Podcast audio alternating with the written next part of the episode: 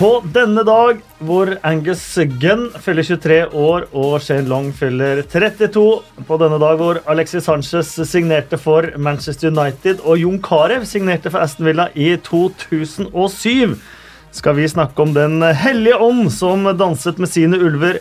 100 skåringer plassert for den regjerende ligamesteren. Læreren viste ut sin tidligere elev, mens Solskjær fremdeles topper Solskjær-tabellen. Og hva skjer i Tottenham? Skal de handle? Kan de i det hele tatt eh, handle? Og I tillegg kommer de faste spaltene med Bill Edgar, blomster, kaktuser og litt uh, Twitter-kjør. Og inn i studio har en uh, ribbeinsbrutit og litt snørrete Øyvind Alsaker kommet. Yes. Uh, jeg sa akkurat at vi inviterer til en ny nyttårsfeiring førstkommende lørdag. Vi godtar rett og slett ikke 2019 slik de har åpna. Det har vært Det har vært blytungt. Men Premier League-fotballen holder oss jo flytende, i hvert fall. Og nå er du her. Du ser godt ut, da. Ja, takk. takk. og Freddy Dos Santos, velkommen. Takk skal du ha. Eh, fysisk utrolig flott forfatning eh, sammenlignet med, med Øyvind. Eh, ja, Så må vi se på resten, egentlig. Fikk dere sett litt Premier League i helga? Ja. Absolutt, altså. Og masse, masse kult å se. Masse bra matcher. Ja, masse skåringer. Hørte ikke stemmen din nå? Nei. Så du fikk bare sitte egentlig i sofaen? Ja, det er deilig det av og til. altså. Ja. For det var et par av de der Premier League-matchene som jeg liker. da. Fulham-Tottenham var en sånn match. Mm. Det var et eller annet, det var bare en sånn deilig fotballkamp. Og selvfølgelig den Wolves-matchen var jo ellevill og, og toppkamp. Så Snakkes om beste i Premier League denne sesongen. Eh, den Wolves, første. Wolves Leicester? Ja. ja. Nei, det var, ja, det var en fantastisk uh, match. Men altså, også tempo og så trøkk, eh, som jo var liksom den gode gamle klassiske eh, ærlige rett fram-fotballen, som ikke stoppa før det var gått 90 og vel så det. Så Nei, Det var en nydelig fotballkamp. da. Endelig viste Claude Poel litt uh, følelser også, men vi starter faktisk litt uvant. Vi starter i championship. For hele forrige uke gikk jo med på Marcelo Bielsa, denne karismatiske Leeds-manageren som sendte spion Eh, på treningsfeltet til eh, Derby. Vi snakket så vidt om det i forrige podkast eh, også, hvor hele fotball-England satte seg på sin indignerte høye hest. Kalte det kulturforskjeller. Og nå er jo sendt brev inn til IFL om å straffe Leeds, enten om det er poengtrekk eller utestengelse og det ene med det andre, for denne spionen på Darbys treningsfelt.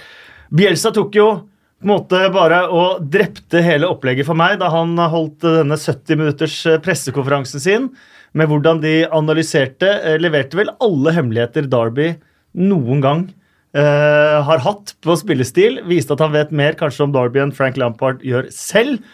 Um, og har nå bedt om en rask avklaring. Storm i et vannglass uh, er vel et ord som kommer, kommer nært. Ja, det var, det var, jo en fantastisk sjanse, men altså, det jeg tenker er at konservative England var ikke helt klar for det. da. Eh, altså Hadde dette her foregått i Uruguay eller i, i Argentina eller Italia eller sånt, så hadde det liksom bare vært ja, Det er jo en del bare av det å være litt lurere og skarpere og liksom litt uh, Altså, Ufint er kanskje mer, mye mer lov der, da. Uh, det var jo sånn som da Suárez ble liksom han var så storest i gulven, men det var jo sånn han var oppvokst med, det, med den typen oppførsel på gatene i, Uruguay. og det, det er jo litt det samme bildet her. at har, Ser du en snarvei i en, en, annen fotballkultur, så bruker du den. Og... Men er det en annen fotballkultur? For jeg tenker, Det kan ikke være uvanlig at engelskmenn også spionerer. Jeg så han, den tidligere Redding-spissen Dave Kitson skrev at uh, han liksom hørt om at de gravde tunneler på, et, på, en arena gravde i tunnel, så de kunne høre på pausepraten til motstandermanageren. og sånn. Er ikke dette bare litt sånn den engelske kulturen at de setter seg på sin høye hest, og så er de egentlig ikke noe bedre selv? Eh, nei, jeg heller litt til uh, Freddys uh, analyse av Av England som Altså Tradisjonene sitter så fast i England, og det er en slags sånn det er jo et, eh, det er jo derfor jeg er så glad i England. Det er et sånn fantastisk sånn schizofrent samfunn. altså Det er det høfligste, mest gentleman-aktige. De har sine formaliteter som du alltid må igjennom, og samtidig så har de de verste tabloidene og de, de groveste overtrampene i, i media osv. Altså, eh, så jeg tror rett og slett at eh, dette var så blatant for de at, eh, at, det, ble, at det ble litt mye. Eh, og Frank Lampard sa jo at um, Jeg ser aldri Pep Guardiola stå og holde for altså Klopp, disse her uh, andre store utenlandske managerne. For det er, jo, det er, jo, også dette Det er jo engelskmenn mot uh, disse her uh, som nå er henta inn, de store stjernene i verdensfotballen. sant? Det òg er litt sårt, vet du. sant? De vil jo helst at de engelske skal, skal skinne, sant? og så har de vel innsett at utlendingene har kommer kanskje med bedre ideer og er litt lenger framme, da. Ja, for det er nesten sånn at de, de største stjernene i hele engelske fotballen eh, omtrent om dagen er de utenlandske managerne. Du så jo da når det var Conte, det var eh, Klopp og Mourinho og Wenger og alle disse. Det var, ja. var, snakk om så mange at jeg føler Når de drar med seg en annen liksom, de, de, drar med seg en annen type fotball, og det har, de jo, har vi jo sett på banen. Mm. Når de drar med seg det rundt òg, mm. så tror jeg de føler det som at det blir litt sånn tråkka på vår Der, i hvert fall der har vi stått fjellstøtt da, med en annen form for konservativ uh, tilnærming til det. Mm. Men det må jo være lov å forberede seg? tenker jo, jeg. Jo, jo, men, men, jeg tror det her søramerikanske som du er inne på, det er jo Suárez er et godt eksempel. Pochettino har vel også vært inne på uh, lignende tanker. da, At det er liksom lov å lure litt. Altså Det er liksom lov å um, og kanskje gå litt på, på tvers av det som uh, oppleves i England som veldig sånn honest Sant? Det skal være ærlig, det skal være rett fram, det skal være tøft og alt det der, men det skal liksom være uh, Det skal være ærlig, da. Men uh, poengtrekk, det er å dra langt. Ja, mm. det syns jeg òg. Jeg ble veldig skuffa over at Norwich var de som leda an i dette brevet som er sendt til IFL om å straffe, straffe Leeds, faktisk. Ja, det, og det, det ligger poenget bak Leeds. Ja. ja. det er akkurat det der. Man tenker at det er vikarierende årsaker eh, som ligger bak, ikke nødvendigvis at uh, at dette var så stygt. De møtes jo om uh, under to uker også, mm. også, nå. Men det er jo spennende å se hva som kommer ut av det. da. Ja. Det er jo det. En eller annen form for reaksjon blir det nok. Mm. Og Leeds gikk jo på en smell mm. mot Stoke. Mm. Overraskende etter det. så Mulig de også er påvirka av, av, situasjonen uh, i tillegg der. Er, men jeg blir jo ikke veldig opphissa av at folk kler seg ut og går og kikker på, på neste motstander osv. Altså, men jeg blir veldig fascinert av av disse uh, uh, Bielsa, Sarri, disse herre fotballidiotene, mm. eller hva du skal kalle dem. Altså. Tenk å ha en sånn altså, så, sånn grunnleggende sånn uh, Ja, de er Altså bare sånn fotball Altså bare dykke så mm. vanvittig ned i det. Sant? For det er jo det spillet, det er jo det som gjør det til verdens største spill. Blant annet, er jo at det er et spill med så mange variabler. Hver, det er 22 mann. Hver tar 700 avgjørelser i løpet av en fotballkamp. Hver gang en spiller tar en av de 700 avgjørelsene, så endrer på en måte kampen seg. sant? Mm. Altså Det å minimere liksom tilfeldighetene i et så tilfeldig spill, og gjøre det gjennom å liksom bore så dypt mm. som disse her folka gjør Og de ser jo ut som litt sånn mad professors òg. Mm. I hvert fall Sarri Bielsa har jo liksom det der eh, framtoninga og litt sånn det, det føles som der, Hvis du kommer ut som trener nå og sier at nei, vi spiller spillet vårt uavhengig av hvem vi møter, mm. da har du blitt liksom fraløpt i dette, i dette gamet. For det, altså man, det var nesten hedersbetegnelse tidligere. Mm. Vi har vår stil, bryr oss ikke om hvem vi mm. som står på motsatt. Mm. Men nå ser du, når, når du da møter disse gutta her som har forberedt seg altså nå altså så utrolig ned i detaljen på motstanderlaget og skal utnytte altså, hvilke rom som dukker opp i enhver gitt sammenheng, da, så er det kanskje greit å dra den litt videre og si at ok, vet du hva, her må vi liksom, Dette er de gode på, dette er de svakere på, og gjøre det litt mer Og det er ikke mer enn altså Hvis man ser til si, amerikansk fotball, da, som er ofte sånn overanalysert, eh, så er det jo Eh, nok på vei litt i den retning, da. Eh, mm. selv om det blir på andre mekanismer antagelig enn det, enn det, de gjør der borte, som er veldig sånn high-tech. Jeg elska jo fra den pressekonferansen at de skulle møte Stoke. Eh, og de har jo akkurat skifta manager til Nathan Jones fra, eh, fra, Luton. Så han hadde sett de siste 26 kampene til Luton nå for å finne ut av hvordan Nathan Jones uh, spiller. Det var måten han fikk forberedt seg til den kampen. Så det er helt uh, fantastisk. Vi skal bare to ord til uh, i i den forbindelse med utenlandske managere. For José Mourinho var jo på Be In Sports i helgen. Og der bekreftet han jo denne laundry basket-historien og fortalte om før matchen mot Bayern München. Han eh, skulle ikke være i garderoben, han var utestengt. Hadde kommet til stadion tidlig, tidlig, før noen andre har kommet, vært i garderoben. Problemet var å komme seg ut. Uh, og da hadde han blitt sneket ut igjen disse her boksene som han har skitne drakter i, og nesten blitt drept for det. Du måtte ha på lokket? ja, ja. ha på lokket da vaktene kom. ja, altså Han våkna da han, kom, han våkna alt, da han åpna blokken igjen, så lå ja. sånn eh, fisk som liksom har hodet har hodet over vann her. Men det var jo det vi elska med Mourinho da han kom. Det var jo det at han var, han var jo datidens uh, Bielsa, om du vil. Han var jo den jeg husker Chelsea-spilleren Terry og Lampard disse her, når de fikk Mourinho. altså Det var, det var dossier på hver motstander, høyde, vekt, hva han mm. spiste til frokost. Det var så grundig og detaljert. sånn. Hvor ble det av den Mourinho? Mm. Den der dedikerte uh, fyren med edgen som bare satte de andre fullstendig sjakkmatt. Mm. For Det føltes som på den tida at de du nevner, eh, Lampard og Terry, de, de, de ville drept for manageren sin. Mm. Altså, og det var Mourinho. Altså, det, var, det føltes som han var, han, han var så guttas mann. Mm. Uh, og så har det blitt litt borte på veien. Og, og hele kommunikasjonen med, med egne supportere, egne, egne, spillere, med media, har jo forandra seg Mourinho underveis. Fra å være den derre. Det, det, så jeg igjen nå på det der, i det programmet ja, som Bean Sports der. Hvor du så den der litt sånn skøyeren da, som mm. hadde glimt i øyet, og som ikke tok seg selv så utrolig høytidelig. Da så jeg litt igjen, og det, det merka jeg da savna litt. Altså. Kanskje jeg finner det igjen med litt, uh, litt uh, fri. Har du, uh, når du har vært i England, Øyvind, vært på Argos? Mm, nei. Argos er en veldig, veldig rar butikk. Uh, Eh, vi kjørte rundt to timer i London en gang for å finne et telt til en promoinnspilling, og da var, endte vi opp på Argos. Argos uh, i butikken ser ikke noe særlig annerledes ut enn dette studioet. De har ingenting, men du får en sånn svær, tjukk katalog. Um, og så finner du ut hva du skal ha, og så henter de det du skal ha på et eller annet lager. Og så får du kjøpt det. Uh, billig. Uh, I kampprogrammet for Norwich sin kamp nå, så, mot Birmingham så har de jo Onel Hernandez fra Cuba Eh, som er en av de store stjernene i Norwich nå. Eh, hva var det beste med å bo i Norwich? Fikk han spørsmål i, da, han, i dette kampprogrammet. Nei, det var Argos. det hadde han aldri sett før.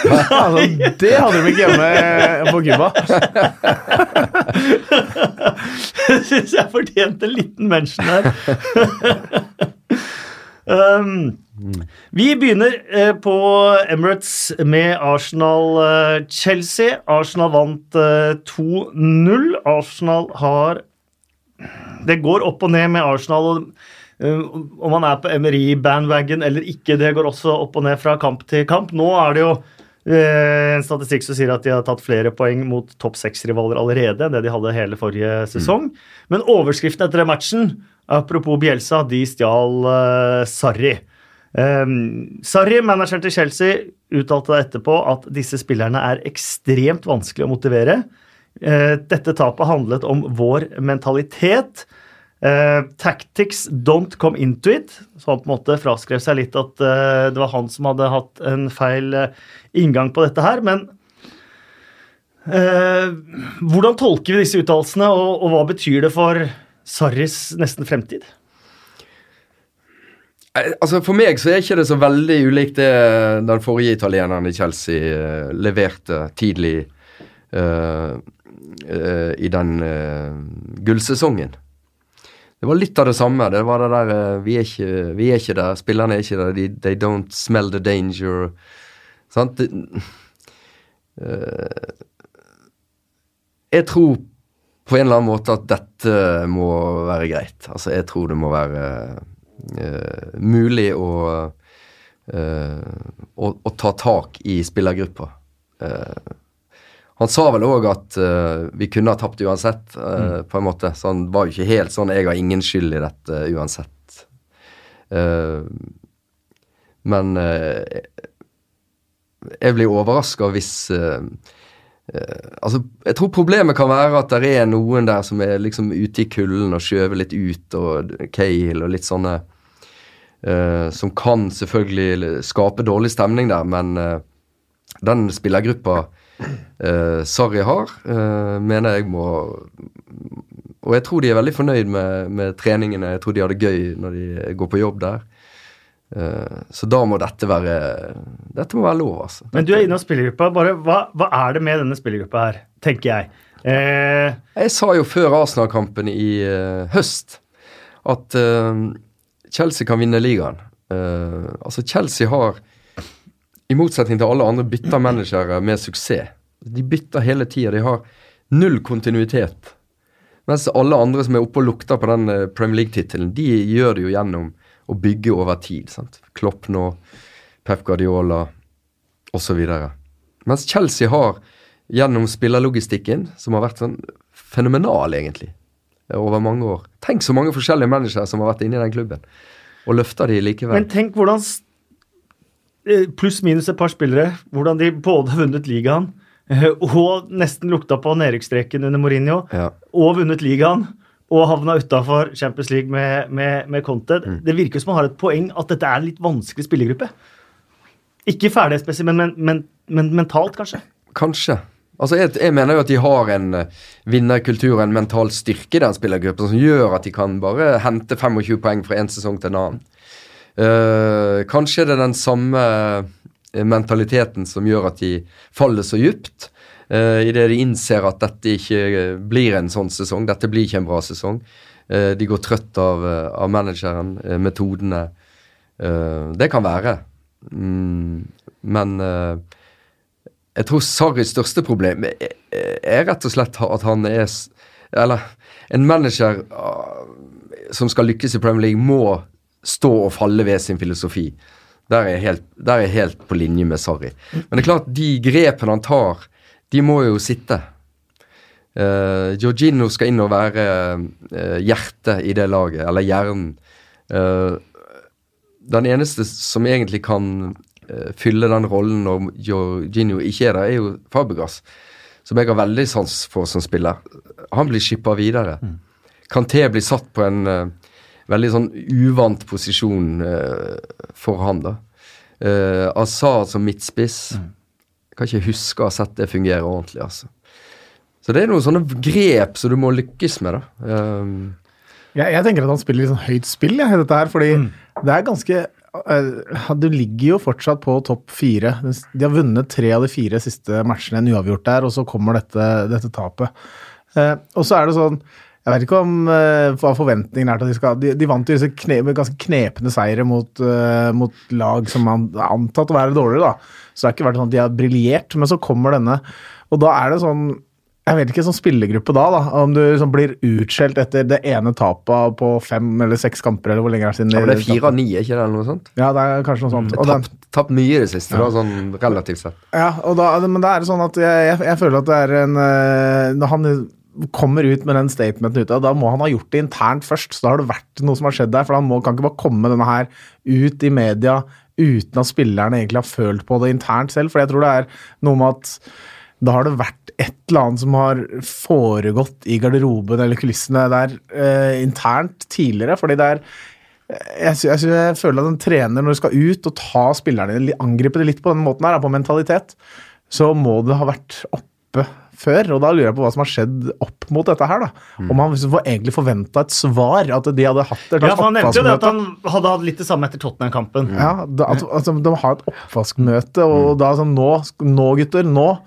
Eh, og så fikk han ikke det hele tatt, og det liksom har vært egentlig et oppspill til dette. Eh, For hvis han bare tar det helt ut av det blå, så tror jeg han spiller litt høyt, for da kan han miste litt den derre uh, autoriteten eller respekten da, i, i spillergruppa. Så Ja, Det var det jeg tenkte å spørre deg om, Freddy. For at du har vært i mange ulike spillergrupper gjennom et eh, langt liv. og Nå, er det jo, nå har jo gutta egne WhatsApp-grupper og, og sånt noe.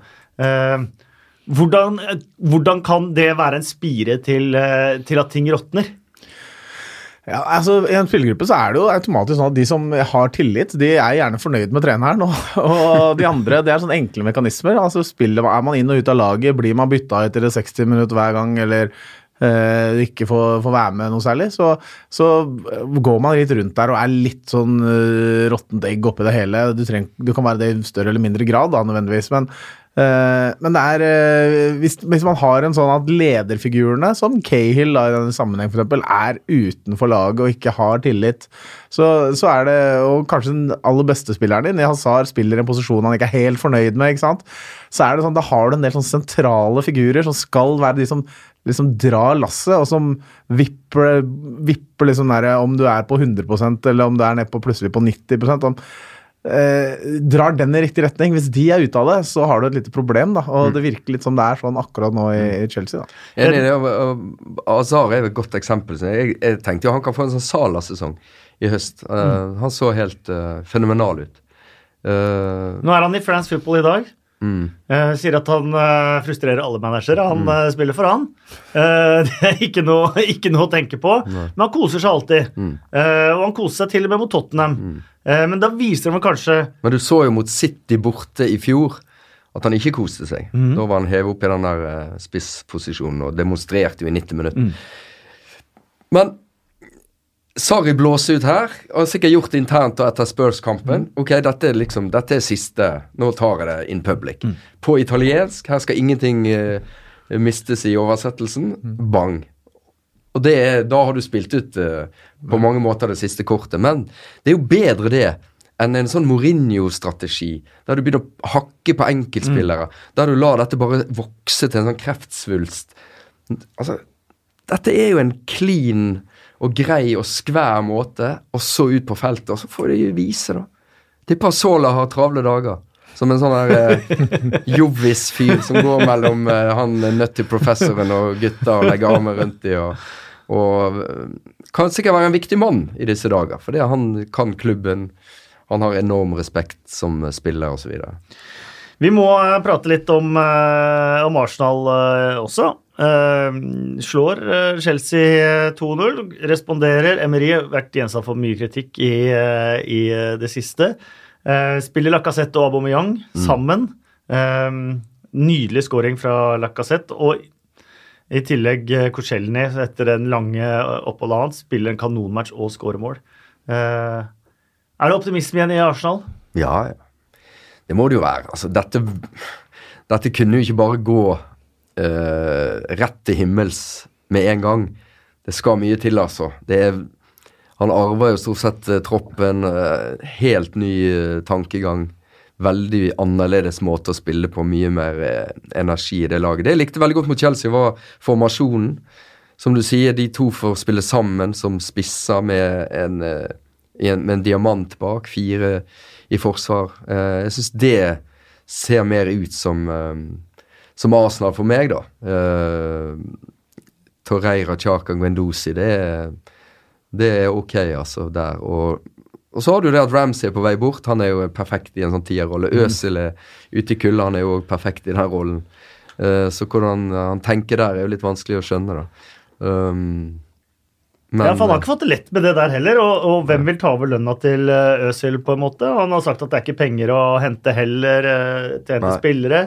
Eh, han er på hva er han er på? over 300 000 pund i uka. Ja. Øzil. Ingen vil eh, betale det. Beirin ute for sesongen mm. er selvfølgelig enda et, eh, enda et slag, spesielt når man ikke har, har cash. Men Øzil må jo også Altså, Greit han har 300 000 pund i uka, eller akkurat summen er jo helt vanvittig. Jeg klarer ikke å si det engang. Men, men sånn, Cirka det du har i Vålerenga. til sammen gjennom hele mitt liv i lønn er det han har. Men, øh, men da tenker jeg at han, også, han er jo en ambisiøs fotballspiller. Han er ikke sånn som er 33-34 år og over the top. Så å si at han havner ut litt i kulda og ikke får det til, så må jo han på et eller annet tidspunkt også si at ok, vet du hva, det er verdt å tjene 200 000 i uka og spille og være stjerne på laget et annet sted, da. Eh, Så det kan jo hende at de får løst det litt eh, på den eh, måten der, at han, han selv hans egen ærgjerrighet kan hjelpe ham litt på vei, i den grad man ser sånt hos eh, moderne fotballspillere. Men jeg syns jo det også var en utrolig kul kamp å se av eh, Arsenal. Så Dattera mi har valgt å bli Arsenal-supporter, eh, som jeg syns er, er ganske gøy, egentlig. For jeg syns jo det er gøy med litt dynamikk i, i hjemmet.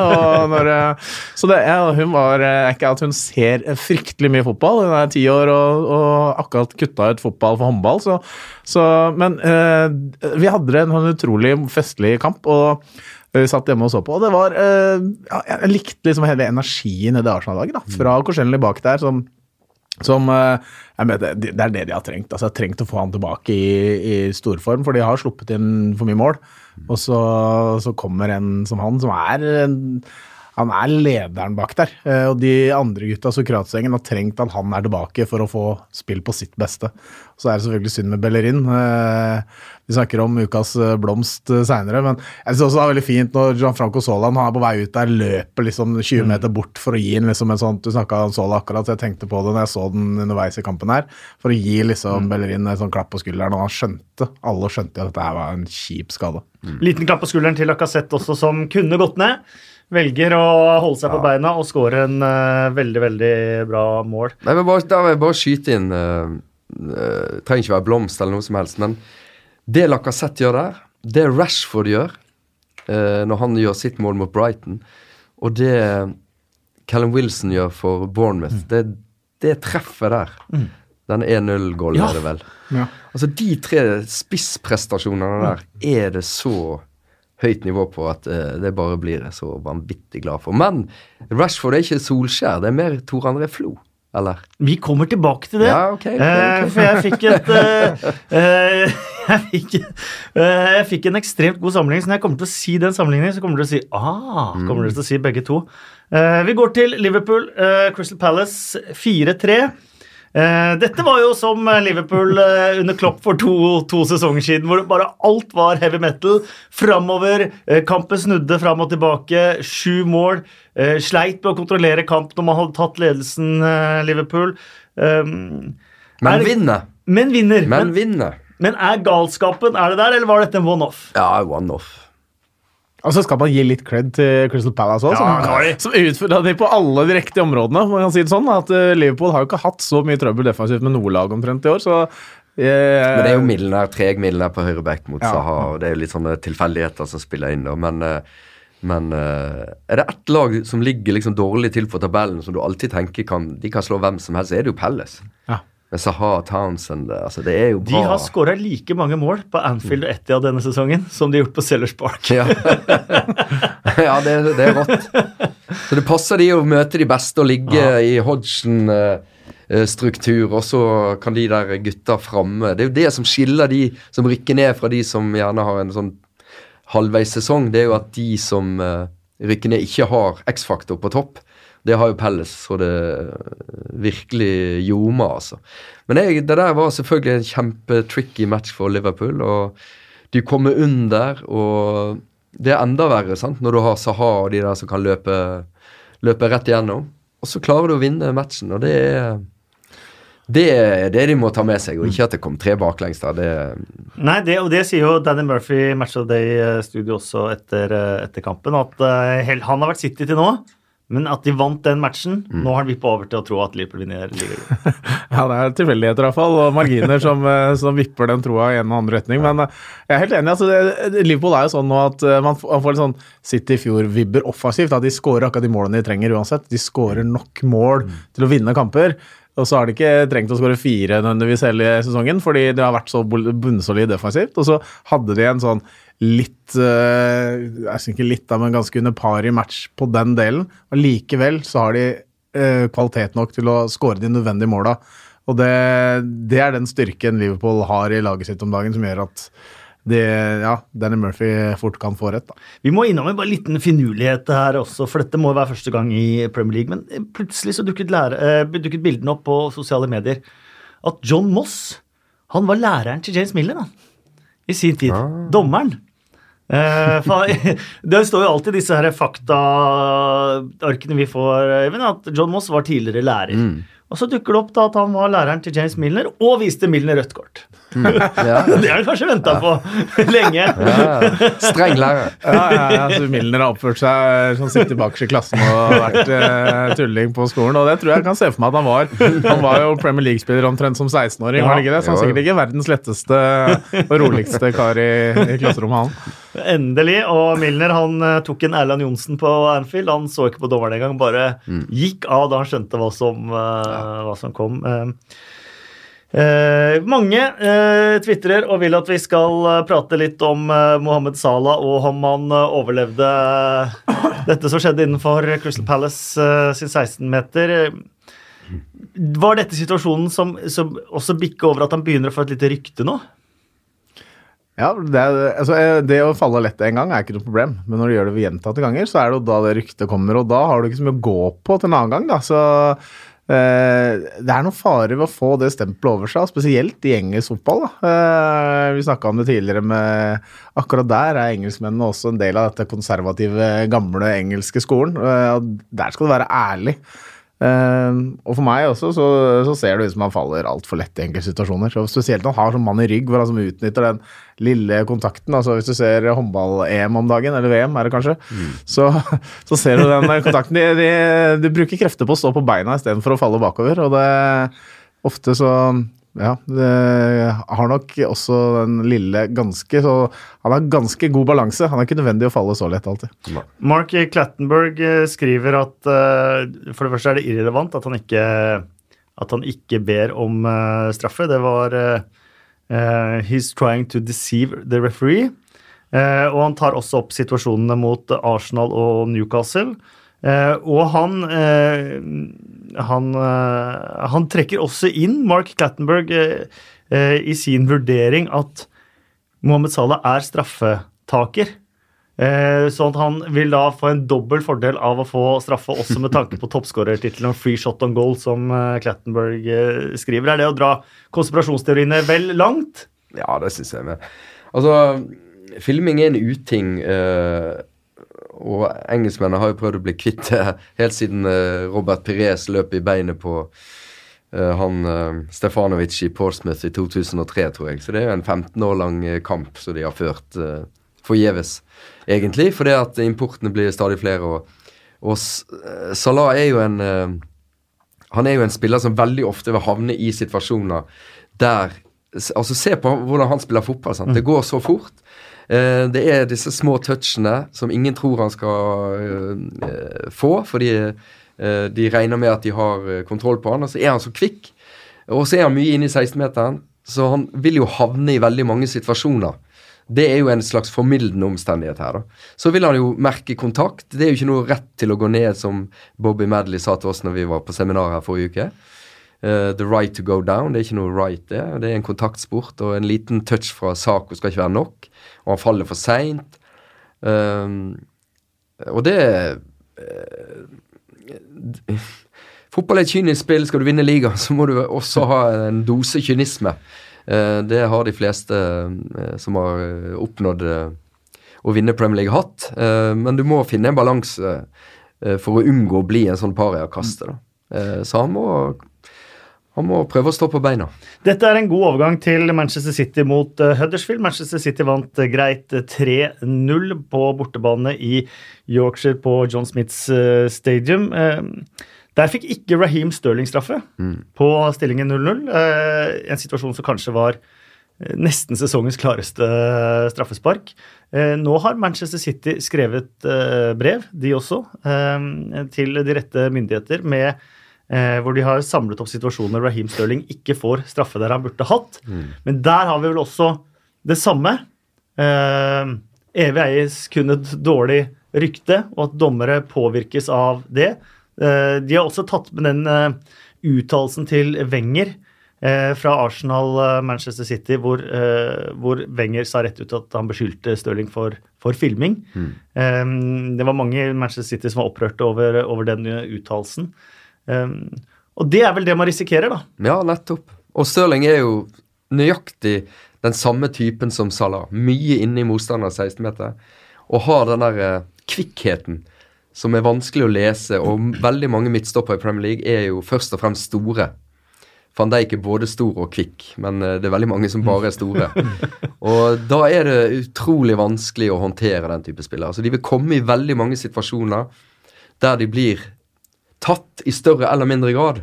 Og så handler det om uh, hvorvidt de går ned, hvorvidt de prøver å stå på beina, hvorvidt de prøver å få en fordel av at de kjenner at de blir uh, sparka på. Uh, og så har du det du er inne på, at ryktet uh, gjør at det ikke blir blåst. Hvis dette var et eksempel på det, der med det Stirling han går, han går lett ned, mm. no penalty, da har du et problem. Det er jo en, en slags sånn selvjustis, da. Da skjønner de jo Og så er det jo litt sånn for forskjell på situasjoner òg. Hvis Stirling eller Salah kommer eh, løpende rett mot en svær stopper, uh, hvem det skal være, eh, i det tempoet de gjør, og de ser at stopperen er på vei til å sette inn en takling, og det går i det tempoet, det vet hvor mye kraft det vil være av å bli truffet, så er det sånn skal man liksom hive seg, bare fullføre den og få den smellen som du veit kan Altså, du, du, Det er vondt, du skal tåle det. Det er ikke det jeg sier, du er fotballspiller og godt betalt for det, men det er kanskje du hiver deg litt til sida for å unngå selve kontakten òg. Mm. Eh, fordi at du må jo eh, jeg, jeg, mener at forsvarsspillere, og Jeg er gammel forsvarsspiller, og har vært mye seint ute i dueller. Men du har vært spiss òg. Ja, det har jeg for så vidt. Du, du, du, har jo virkelig kompetanse. Ja, ja, her har jeg virkelig Jeg vet hva jeg snakker om. Men da snakker vi om at Eh, forsvarsspilleren idet de setter i en takling, da, selv om den ikke nødvendigvis til syvende og sist treffer, men han hiver seg unna, så må også forsvarsspilleren vite at han han løper en risiko ved å ja. sette inn den taklinga. Mm. Jeg er helt eh, enig, og Du kan jo hindre en spiss av den typen uten egentlig å touche han, vet du. Ja. Hvis du hiver det, så han er nødt til å f.eks. hoppe for å unngå å bli truffet. Og komme ut av balanse eller miste momentum. Så er jo sjansen spolert. Det var ikke eh, berøring, men Nei, men eh, nok eh, handlingen din mm. gjorde at eh, det ikke ble en baklengs, selv om du ikke var nær, eller eh, noe sånt. da. Eh, så, så, det er sånn veldig sånne eh, fin, fine overganger mellom hva som er innafor og hva som er straffbart. da. Og det, Jeg beundrer jo dommere som må stå i dette her uke ut og uke inn og ta disse avgjørelsene. Uh, og, og gjør det på et millisekund. Eh, og ja, Sånn blir det jo enda vanskeligere av at enkelte ganger så er det jo ren filming. Mm. Andre ganger så er det en spiss som Men stort sett så er det vel at de faller lett. Mm. Mm. Altså det er, jo, det er, jo, sjelden det er blatant juks. Mm. Ja, det, er det er sånn der uh, touch. Hva gjør jeg? Kanskje jeg skjønner den ballen går ut anyway. Mm. Går ned. Ja, gråsone som fotballen er full av. Jeg kom på nå, Du har jo opplevd den eh, frustrasjonen som lagkompis. Eh, Morten Berre hadde jo det ryktet. Ja. Morten Berre han filma vel ikke de siste åtte-ti årene han spilte fotball.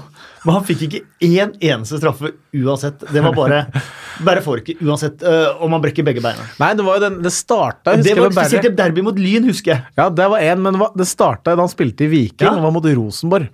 Eh, og han ble tatt som av Odd Inge Olsen. Og der, du vet, Når du løper, og så kommer Odd Inge Olsen bak, og så treffer du ene ankelen, så sparker egentlig deg selv mer inn i din egen legg. Og det ser på bilder, så, på videoer så ser man ikke noe touch mellom dem. Men til og med Odd Inge Olsen i ettertid sa jo at jeg var nær, jeg skjønner at han falt. Mm. Men han kom så dårlig ut, og de lagde Det var en veldig tidlig YouTube-fase, dette her. Ja, for bare løpe til dommeren også ville ha ja, ja, ja, tillegg. Ja. Og, er, og, de fikk jo den straffa. Og etter det så hang jo dette mm. ved Berre i alle, alle år. Mm. Eh, og gjorde det. Og det er jo sånn som man snakker om her, da driver du med kontinuerlig juks. Nå sier jeg ikke at Berre gjorde det. Eh, men Nei, det var i hvert fall ikke den siste gode delen av sin nei. karriere, hvor han fikk ingenting. Nei, og, det, og, det, og det, da vil det straffe seg. Altså, på en måte, du, Jeg tror liksom at det, eh, vil aldri ende opp i en nullsumspill her, men jeg tror du vil i enkelte situasjoner i seinere tid så vil du komme dårligere ut enn det du ellers ville gjort, hvis du har dratt på deg det ryktet. da. Mm. Uh, vi må ta to ord om at vi har fått en ny manager i uh, Premier League også. Først må vi bare hylle 102 mål i midten av januar på Manchester City. 102 mål! Mm. Det er altså så sjukt. Ja, og det er, altså, det er mange som snakker om Liverpool nå, men eh, jeg tror det var en nøkkel det som skjedde på Etiad. Hadde de fått med seg poeng der, så tror jeg de de hadde hatt den der bufferen de, de, de, ville trengt. Men jeg, jeg holder City som knepefavoritt fremdeles. Altså, jeg gjør det. Jeg tenker på kamp, toppkampene. da. Se på City borte mot Arsenal. Rundspilte de. Det var jo tidlig i Emerys periode, i og for seg, men Borte mot Chelsea tapte 2-0. Rundspilte Chelsea så ettertrykkelig i den første omgangen. Mens Liverpool sleit både på mm. Emirates og, og Stamford Bridge. Fikk 1-1 i begge, men jeg syns det toppnivået til City er fryktinngytende. Og de har ikke spilt De har vel ennå ikke spilt én match med Fernandinho, David Silva og Kevin De Braune sammen fra start, tror jeg. Nei, og begge de to de tapte nå i desember, mm. sto jo Fernandinho over. Mm. Eh, forteller litt så de, også. Så de har liksom de har en større bredde. Jeg var så heldig nå for noen ukes, eller halv ukes tid siden nå, for å sitte på en scene og prate med Kevin Keegan i, mm. i et par timer, som jo er en uh, Altså, en altså, større legende i engelsk fotball får man jo knapt. Men, uh, og han, da spurte han litt om dette tittelracet, da. Eh, for han har jo fartstid både i Liverpool og City, og han mente jo at det var, det var kun de to det står mellom nå.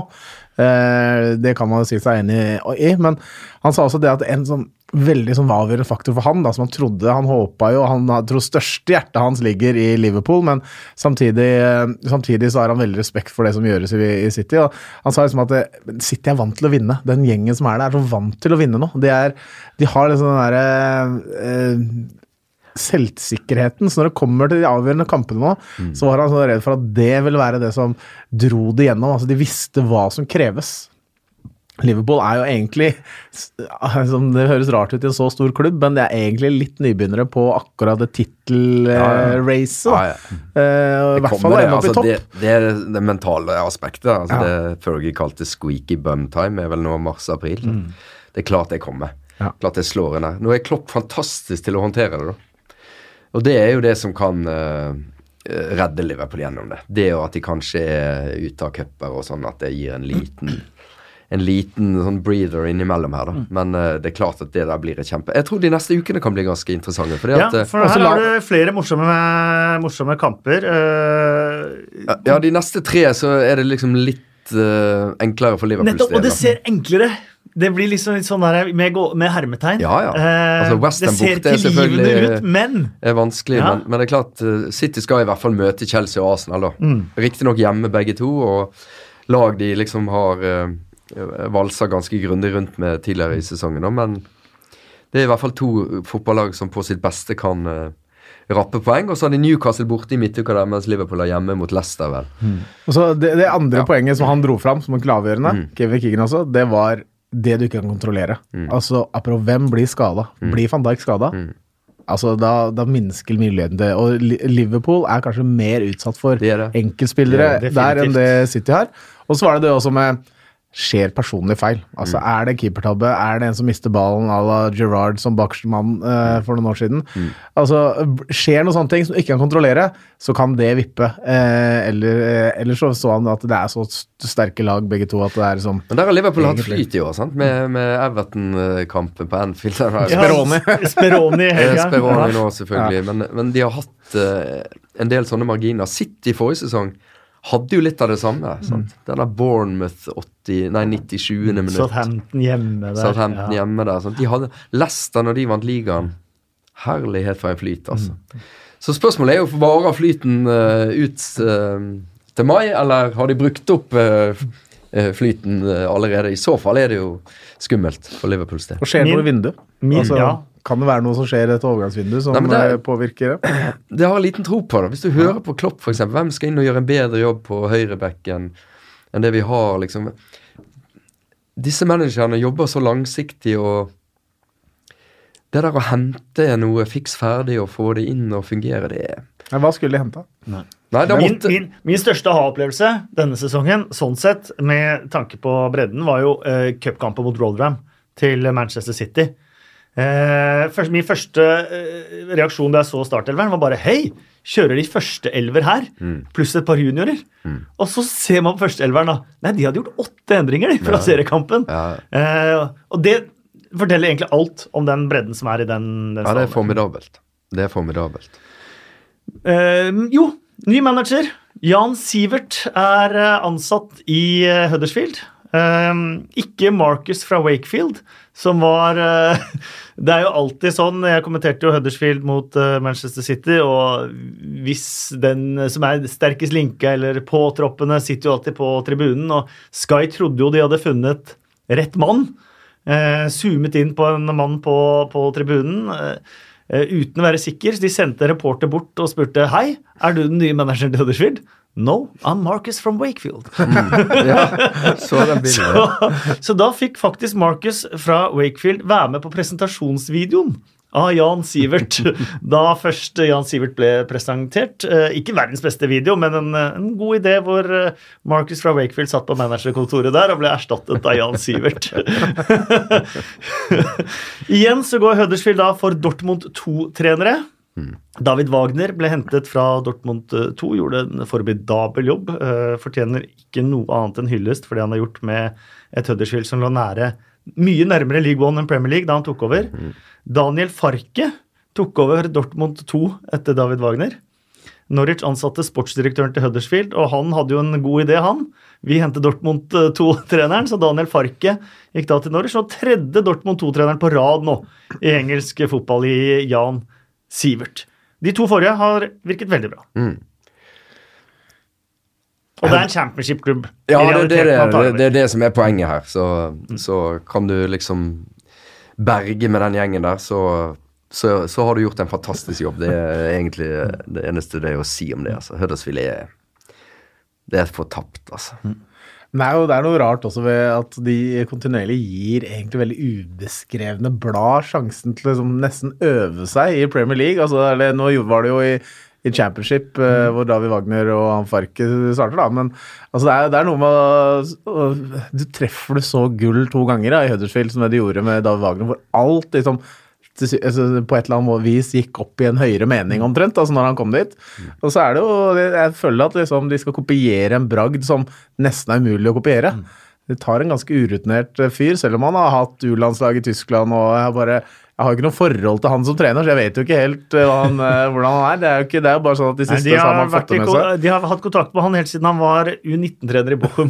så det, Ja, så det, Da har du iallfall gjort researchen sin. Da, Ja, der så er det jo litt sånn kontinuitet. Det er jo en linje her. Da. Ja, Det, ja. er, det er ikke liksom eh, vi ringer Big Sam, for nå må vi berge plassen med alle midler og, og, og, og den klassiske nedrykksrefleksen, da. Men læring er, et, læring er jo et litt nøkkelord, føler jeg også. For jeg snakka litt med Alexander Tetti om Daniel Farke. Og han sa at da Farke kom, eh, så var hans hovedbeskjed eh, vi skal dominate, dominate by possession i 90 minutter i hver kamp. og som Tetti sa, det går ikke, det er championship, vet du. og resultatene var jo også eh, så der, de gangene de fikk det til. Enkelte fantastiske kamper, enkelte helt håpløse tap. Denne sesongen så er det gjort om til, en, til noe helt annet, og da kjemper man i, i toppen. Men det er helt klart at eh, også han har hatt en læringskurve i engelsk fotball, og den må jo også Jan Sivert Men klarer han å få det laget der til å skåre mål, så har han jo, da er han jo en mirakelmann. For de skårer jo ingenting. De har jo ikke spisser som leverer overhodet. Eh, Så det blir jo spennende å se, da. Vi går videre til Old Trafford, Manchester United 2, Brighton 1. Solskjær med seks ligakamper på rad med seier, syv totalt. Eh, Marcus Rashford skårer igjen. Han har fem mål på seks kamper under Solskjær, etter tre mål på 14 kamper under Mourinho. Og her kommer aha-opplevelsen for at Toshi, som er Corleone på eh, utestedet, eller fotballpuben Ball, han eh, første han sa da jeg møtte han, møtte han her om dagen, var at. Bohin? Bohin. Det er jo Bohin-goal! Ja. Ja. Mot England. Ja, sant. er sant bare, ja. Mot Italia. Mot Italia. Ja, kan ikke være mot England. Hvor han drar ut Baresi der. Ja. Du setter ja. Det må jo være det. Mm, ja. Ja, ja. Eller tenker du når han løper det på venstresida og drar seg innover? Jeg tenker blanding av de to. Nei, det, er, det er jo bare Leo som slipper, og så blåser han over hodet på han Chris Woods. Det er, Ja. det er jo ikke noe touch eller noe magic stuff Nei, det er kanskje ikke det. Nei. Men en blanding av de to, Jeg tenkte, jeg ja. litt Bergkamp, jeg. Ja. Faktisk mer. Mot Leicester og, Ja, mot, eh, og den mot Argentina i VM 98 der. ja. Den lange pasningen som han tar ned, går inn. ja. Men det var Og, og jeg mener Tor André Flo. Se på målet mot Brasil. Ganske Mm. likt. Tor André var jo litt mer den der slepne Kunne ta med ja, seg de ligner litt til Solskjær er litt mer sånn de. der Ja, ja, Solskjær er litt mer sånn snappy finish, Mm. liksom. Eh, men uansett, fantastisk å se Åh, Vondt å legge beina i kors. Uh, fantastisk å se Rashford uh, med tillit, da. For det er jo et, et av de spørsmålene vi gjerne vil ha svar på. Sant? Som du kan få svar på når, det, når de bytter manager og det kommer inn en som gir han tillit.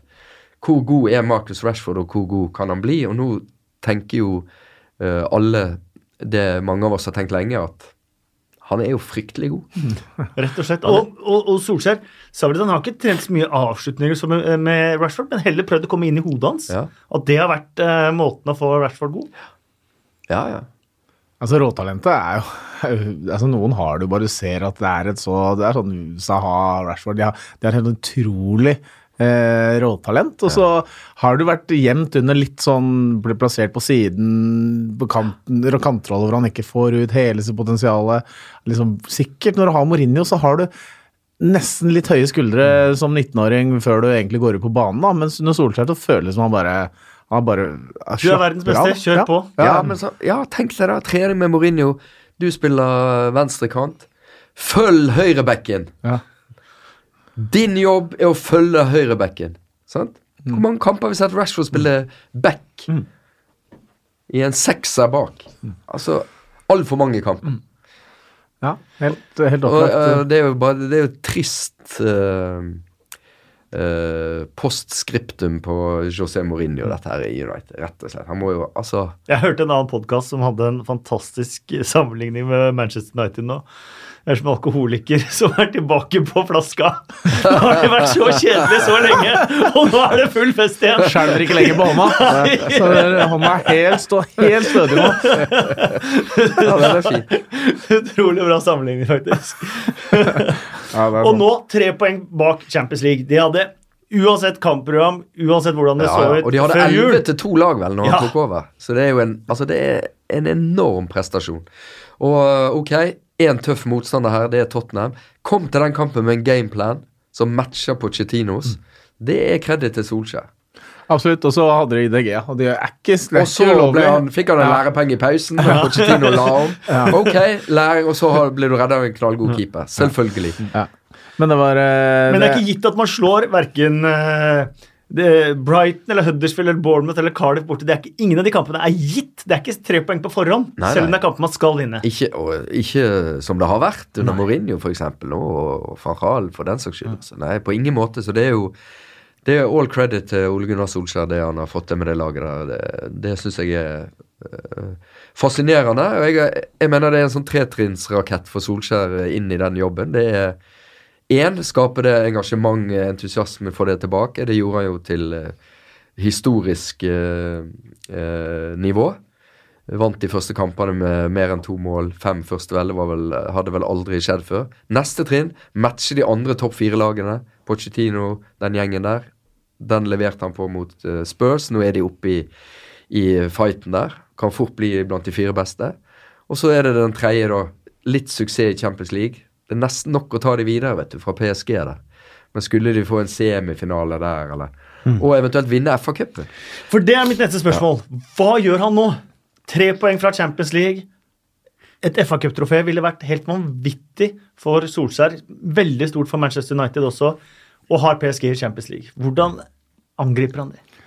Jeg, bare så gjennom kamprammen deres nå. På de neste 31-32 dagene så har de sju kamper. Eh, Det vil si kamp hver fjerde-femte dag, og det klarer eh, Det klarer man å takle.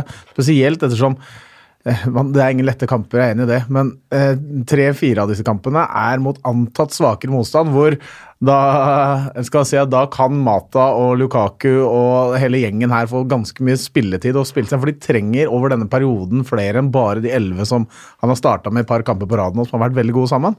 De trenger noen flere, og det, jeg tror egentlig at de har både stall brei nok, hvis Sanchez kommer tilbake i form, og eh, de har, eh, har et godt lag, ikke sant? Og det og de har en god tropp, så de får bruk for den troppen sin litt nå. Eh, De kan jo ikke prioritere bort en FA-cup mot Arsenal. Kan ikke altså, det? Nei, nei. det går ikke an å dra Nei. til Emirates og prioritere bort den. Eh, Så jeg tror liksom de, de er nødt til å kjempe litt på alle fronter i, i dette løpet her. da. Så de har, har ikke noe hvileskjær, da. Wolverhampton Leicester det kickstarta en fantastisk eh, Premier League-helg. Wolverhampton endte opp med å vinne 4-3 etter at de hadde leda 2-0, som ble 2-2. De hadde leda 3-2, som ble 3-3. Eh, Diego Jota med hat trick. Claude Puel, som eh, har vært eh, Bookie-favoritt får sparken egentlig fra sesongen starta, eh, viste endelig følelser på, på benken. Det er nesten første gang jeg har sett både glede og skuffelse. Og det bildet han bare begraver ansiktet i hendene, er jo nesten ikonisk. Det er en mann som aldri har vist én mimikk. Hvert fall ikke jeg kan huske. Eh, men eh, der var han tydelig veldig Det er jo litt kaktus til han som er Nå husker jeg ikke i farten hvem det var som slår den ambisiøse tversoverpasningen før 4-3-målet. Men det er kaktus for meg, altså. For når du har jaga en sånn kamp borte mot Wolves, det er tøft, altså. Og du har kommet tilbake, Foxes never quit, du har levert, du har 3-3, det er 80, hva er det, 87-88. Og så skal du liksom eh, hente fram en sånn der eh, killer pass. Jeg skjønner Men funka bedre enn altså. killer passen i motsatt retning, som Ja, skjedde for tre sekunder etterpå fra. Ruben Neves Ja, der. ja, ja. Det, er, eh, det var bare deilig å se på. Da Ja. så John Evans gammel ut. Altså. Ja. Det si, altså. Han strakk ut den venstrefoten her.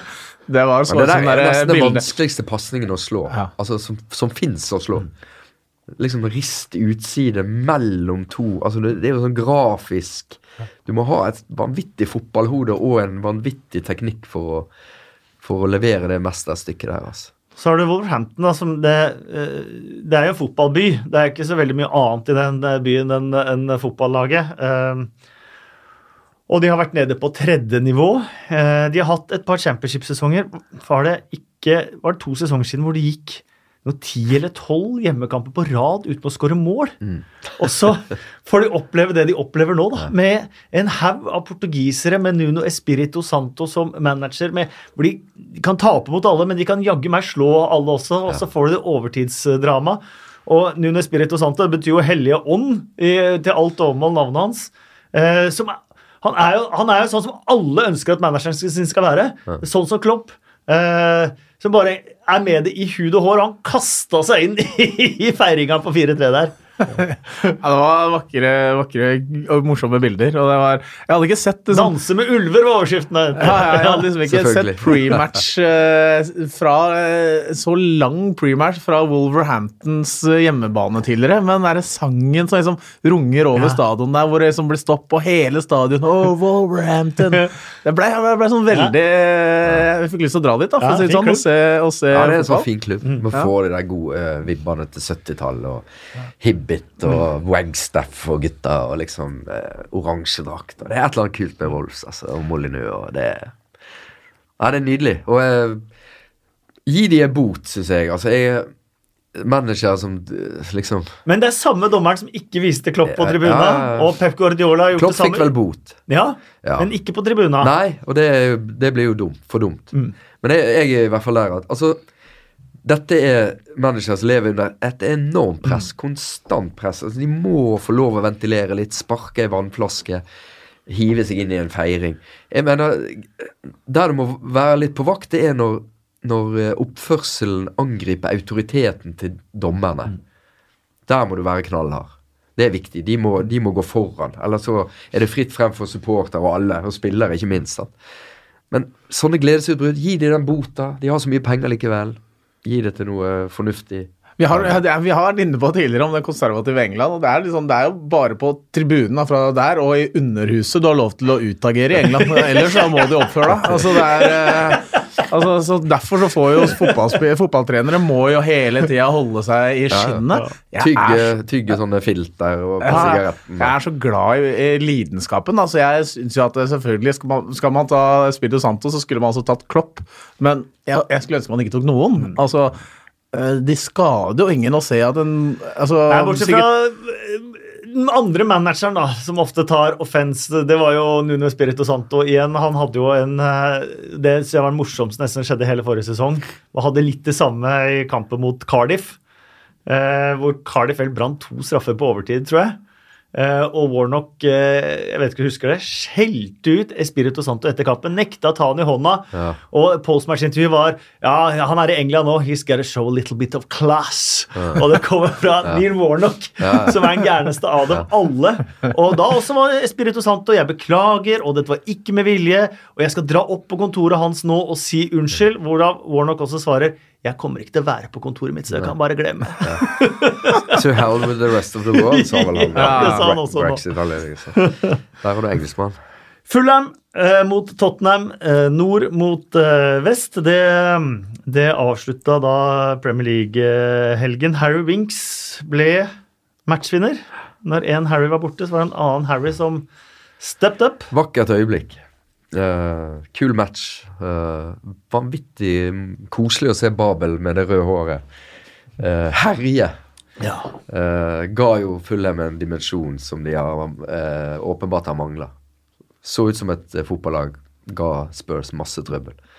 Så det var kul match. Og veldig, som sa, kult med Harry Winks. Jeg husker jeg så han var mot Real Madrid når Tottenham slo Real Madrid 3-1 for eh, det året to år siden. Og sånn. Og han var altså så utrolig god på den sentrale midtbanen. Og jeg tenkte bare wow, her har jo Tottenham en spiller som kommer til å spille fast i den rollen i alle, eller 10-12 år framover. Men eh, så har han liksom vært litt inn og ut, da. Eh, Og veldig kult å se han eh, der. Og det så jo hvor mye det betyr, da. Ja, ja. Etterpå. Det, han- det, å- det å ta det løpet og ta sant? Signalisere minste på banen. Inn, jeg er med. Det er jo uh, Ja. Apropos killer passes, da.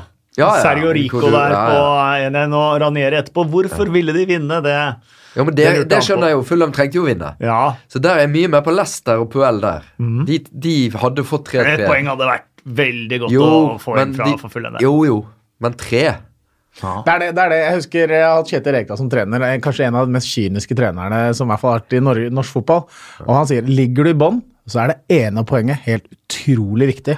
Ergo har du det poenget, så vern om det med alt, for det poenget kan være så avgjørende. Vil gjerne ha tre, men uh, han hadde bedt han, uh, Sergio Rico skyte den ballen over sidelinja for å skaffe og gi Tottenham et kast langt ned på motstanderens banehalvdel. Og det er, det er litt sånn der avveiinga, da. ikke sant? Og Sergio Rico var han så vel muligheten. Det var Mitrovic som var på løp, Ja, eller hva det ja. var, og tenkte wow, her vi, dette her skal vi ta. Og man skjønner jo den uh, tankegangen òg. Og så er det det å være litt uh, kald i de avgjørende fasene. Men Brede. Hangeland hadde vel, sa vel egentlig alt av dette her i dette innslaget han hadde før kamp, hvor han etterlyste ledere, ledertyper, de som tar ansvar der. Eh, hvis de hadde hatt en Brede Hangeland, da, eller eh, andre typer av de sterke, store personlighetene, så tenker jeg at de kanskje ikke hadde sluppet inn det målet heller. Og at noen hadde tatt ut Harry Wings Ja. før han kom inn i 16-meteren òg. Ja, for det syns jeg nesten er verre, da. Enn det forsøket på å vinne kampen. Det, det er jo denne mangelen på å forsvare eget mål. Når eh, han som knapt har vært borti ballen, eh, får stå og slå innlegg, og banens minstemann får løpe gjennom og heade i mål. Det, det er jo der på en måte svikten oppstår. George Kevin Endo, Nkodo vant uh, Twitter, i hvert fall etterpå, da han uh, tvitra 'Hello, remember me'. Hadde assisten til eh, 2-1. Men det jeg har litt lyst til å snakke om, det er uh, fraværssituasjonen. Kane er skadd, sånn ute et par kamper til, i hvert fall med Asiamesterskapet. Eh, flere andre skader også. Dembele er forsvunnet. Ja, Dembele er forsvunnet. Ally ut, ja. Uh, Jorente, som ikke fikk til å være spiss. Det snakkes om at Tottenham må kjøpe. Uh, for meg så virker det spørsmålet litt enkelt, fordi at jeg er ikke sikker på at Tottenham kan ha noe som helst penger til å kjøpe for. De taper millioner hver eneste gang de må spille på Wembley istedenfor å spille på sitt eget stadion. De har allerede brukt en vanvittig sum penger på dette det, nye anlegget sitt. Vi husker Arsenal da de bygga Emirates. Det var også sånn, Hvorfor kjøper de ikke spillere da?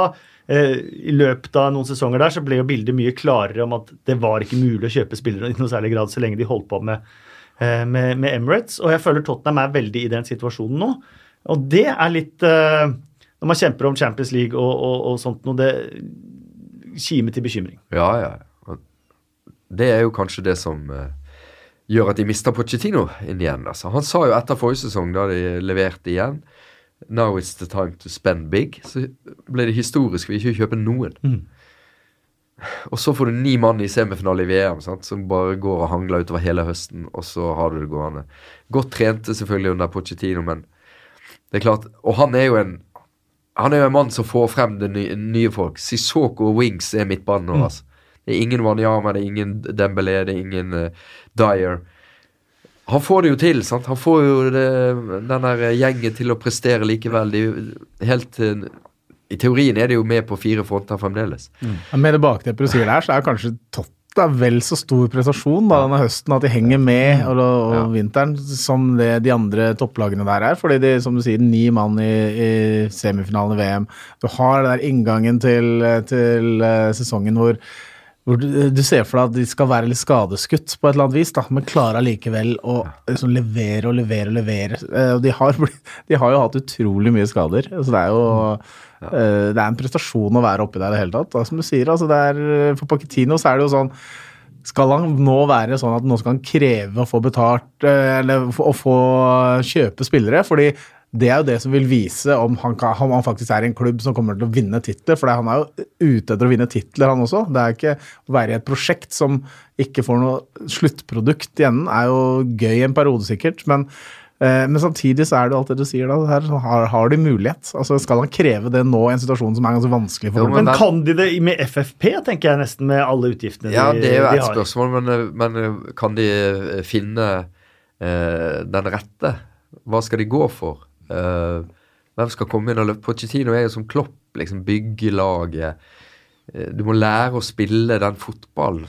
Lucas Mora kom i januar i fjor. Mm. Gjorde jo ingenting før sommeren. Så, er det- det, er ikke noe quick fix på det der, og det er selvfølgelig veldig synd for Spurs. Det er nesten uh, trist å høre spillerne de er linka til òg.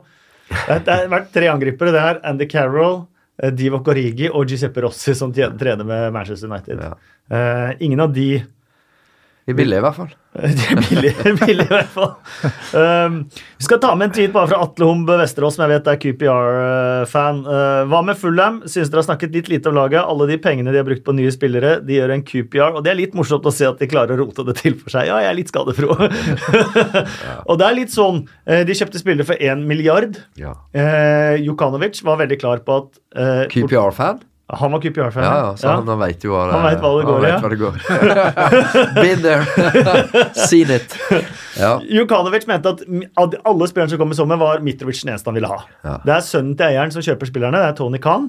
Eh, og det virker ikke som det er spesielt mye plan Nei. over det. Nei. Og jeg var og så de live mot Oldham, og det var helt fryktelig. Ja, ja. Helt fryktelig. Jeg tenkte jo når han kjøpte han derre Seri Ja. han, var jo altså, han hadde jeg veldig tro på skulle lykkes der, eller i engelsk fotball i det hele tatt. Han var jo linka også mot enda større klubber enn det opp igjennom. Har vel til og med vært nevnt i Barcelona-sammenheng. Så han hadde jeg sånn gleda meg til å se. Eh, og hadde vel en god kamp til å begynne med der, og så har han jo sklidd ut i Ser ikke bra ut, han. Altså. Nei. Nei, og så sa, sa ikke han at han fikk vel, ve- sleit med tærne når det ble kaldt? Ja, Det er dumt da på Cramer Cottage, hvor det ikke er noe varme i gulvet. Jeg husker jeg skulle dra til å se match en gang, og da jo, spilte jo både Nevland og, og Hangeland i, i, i Fullham. Skulle møte Blackburn, og jeg og Berre dro over, og Allan Jepsen, min tidligere lagkamerat. Og da var det minus én i London, og kampen ble avlyst fordi at det var tæle i bakken på, på Craven Cottage. For de hadde ikke, de hadde ikke varme i gresset, så det gikk ikke an å, å spille matchen. Så vi satt og spiste middag med, med Brede Hangeland på kamptidspunktet på en eller annen restaurant i London isteden. Og det var, eh, Så det, det er dumt å fryse på beina når du spiller i fotball i England. Altså. Det er det. Uh, Bournemouth 2, Westham 0. Uh, Callum Wilson-skåringa har jeg vært inne på. Kunstverk Kunstverk av en scoring, måten han treffer ballen på der. Men jeg syns det var utrolig deilig å se Joshua King skåre igjen. ja, Altså. Ja. ja. Og så veldig lite eh, opptatt han var av eh, Brooks etter skåringa. Veldig lite, ja. Det, det, det var- ja. altså når du, han kommer alene med keeper og ruller på tvers til deg, da skal du peke Ja, på ja, ja. Skal ikke du det? Ja, det er sant, det, altså. Ja, det var- men, eh, Men så bare hvor men noen ganger kan man glemme seg. Ja, ja. Ja. Og fantastisk at King skåra mål, og Ja. utrolig viktig for Norge. Apropos Fulham og Stefan Johansen, som jo Hvor er han? Og Moi, ja. Moi, ja. Eh, Men ja, det så bare, for Jeg hadde en situasjon tidligere der som var sånn veldig eh, lovende på King. da Han dro seg forbi eh, bekken på, på, Ja. ut på sin venstre, sin egen venstreside. Hvor, hvor han kommer, og liksom, en King med selvtillit hadde enten klart å skape en sjanse på egen hånd eller spilt fri lagkameraten sin. Han gjorde det til slutt, da. Men litt sånn der alibipasning på tvers som gjorde at han, pasningen kom litt bak, og skuddet ble liksom ikke sånn så jeg, liksom, jeg vet ikke, King, jeg, jeg tror liksom bare det at han fikk den opplevelsen av å skåre mål, Ja. det tror jeg at han bare Han får selvtillit når han kommer i lignende situasjoner tidligere. For han virka litt sånn der Oi, her kommer jeg igjen, hva skal jeg gjøre nå i den situasjonen før, da? Ja. Så fikk han den der dead sitteren Ja. som eh, etterpå. Så han bare tror det bare Åh, det var så deilig. Ja. At han bare tenkte at Han glemte litt den kompisfeiringa, men ja. Marko Arnautovic han vil til Kina. Eh, følte seg ikke helt klar for å spille denne matchen her. Altså, jeg mener jo Marko Arnautovic kunne gått Altså, han er en sånn som jeg ville henta. Uh, Liverpool, uh, Tottenham Han er en topp seks-spiller, altså. Sånn som han har vært i år. Outstanding, altså. Nesten umulig å håndtere. Uh, men kanskje han er umulig å håndtere, da. At det er det som er problemet. Men, uh, Og broren hans, agenten. ja. like. Så det, det er selvfølgelig sånn at uh, du får Du kjøper nok litt problemer da ja. med han. Men fotballen hans, altså, det, denne sesongen her, syns jeg har vært så klasse at han, han, kunne, han burde vært moden for større oppgaver. I Kina er det penger. Og altfor mange fotballspillere er jo opptatt av det. Ja, og det skjønner ikke jeg. Du spiller i Premier League. Og det er så mye penger i den ligaen. Men så er det enda mer penger. Hvorfor, skal det Ja, gå hva er for forskjellen på enda mer 100 penger? 000 pund og 300 000 pund? Jeg skjønner at det er forskjell, altså, men jeg føler man får det man trenger av 100 000 pund hvis man spiller. Han gjør det. Han kan spille der i er mange år. konkurranse, vet du. Hva sa du? Det, det er konkurranse. Han tjener det, og jeg tjener det. Nå tjener jeg det. Sånn holder de på. Eh, Newcastle 3, Cardiff eh, 0. Ikke så mye annet enn å si at det er, det er noe eget med St. James' Park. Eh, når de gjør noe annet enn å spille 0-0, vinne 1-0 eller tape 0-1. Når, når liksom andre og tredje målet kommer, da er St. James' Park noe helt, helt spesielt. Har du sett den Sunland, til deg Ja, stakkars. Jo, men det er Nordøst-England, altså. Det er, det, er, det er unikt. Jeg så en sånn derre YouTube-klipp eh, som var handla om engelske versus amerikanske supportere. Og hvordan amerikanerne står én fyr liksom med ryggen til og, og har en ropert, og så svarer sånn Sierro, Sierro, ikke sant? Sånn. Og så var det liksom bilder av engelske supportere, og da var det Newcastle-supportere på vei til bortekamp mot Sunderland på T-banen. Hvor det bare er sånn humor. Det er bare sånn derre eh, They got their hot dog sausage in a burger bun. Sunderland's a massive club. Sånn, sånn der må sang på T-banen liksom hele, hele veien over. Det er sånn mye humor i det, på topp, øh, og- spesielt kanskje oppe i Nord-England. da. Uh, ja, de, uh, Ja, det, var- er, du, det unner virkelig de uh, suksess, altså. Det Det. Da kom jeg faktisk på. Den morsomste sangen jeg hørte. Du vet Når du skal kommentere på Goodison Park, så må du gjennom bortefansen Ja, ja. for å komme på kommentatorplass. Og da hadde jeg en eh, sånn såkalt live eh, ganske tett opp på kampstart. Og så kom jeg inn der med Newcastle-fansen, og da skal du forbi alle sammen før du skal opp den lille trappa. Ja. Og da tenkte jeg her, dette går ikke. Eh, her får jeg komme inn to minutter etter kampstart, så får jeg bare forklare seerne hvorfor jeg kommer inn to minutter etter kampstart. Men da hadde de akkurat kjøpt, eller lånt, Slimani. Eh, så jeg fikk jo filma, i hvert fall, at de sang Slimani-sangen. Bare den eh, kommer her.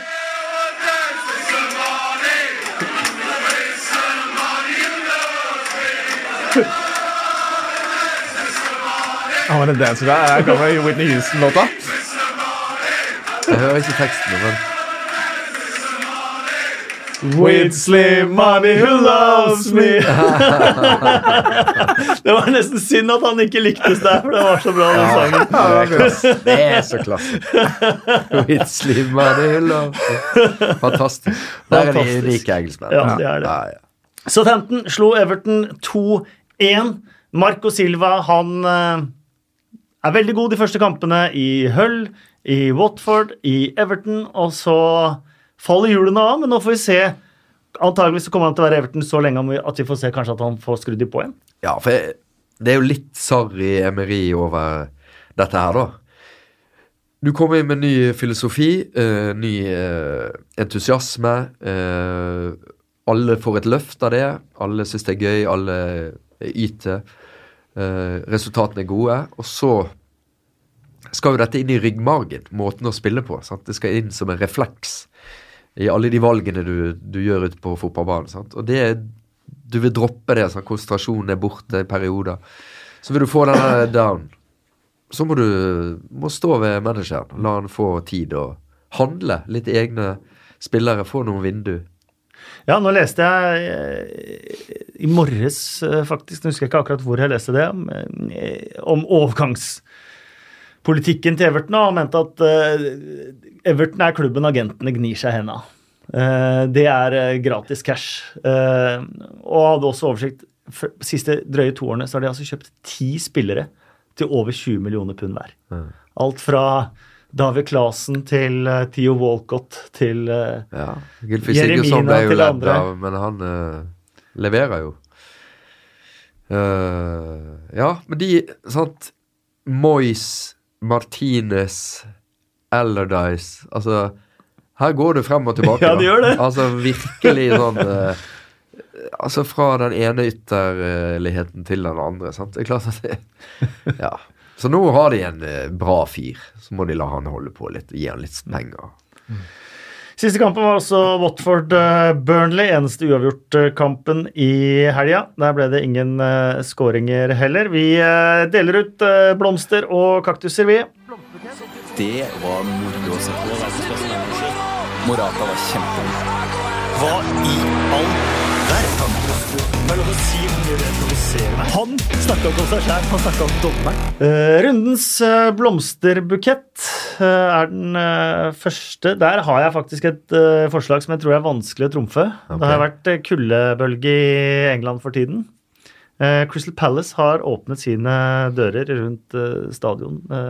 Satt mat, og folk har fått hjemløse av å komme inn og både varme seg, sove over og og, og fått mat. Det syns jeg for rike Premier League-klubber Man skulle nesten tro det var en selvfølge at man viste hjertevarme med lokalsamfunnet rundt seg, men Chris Palace har gjort det i praksis.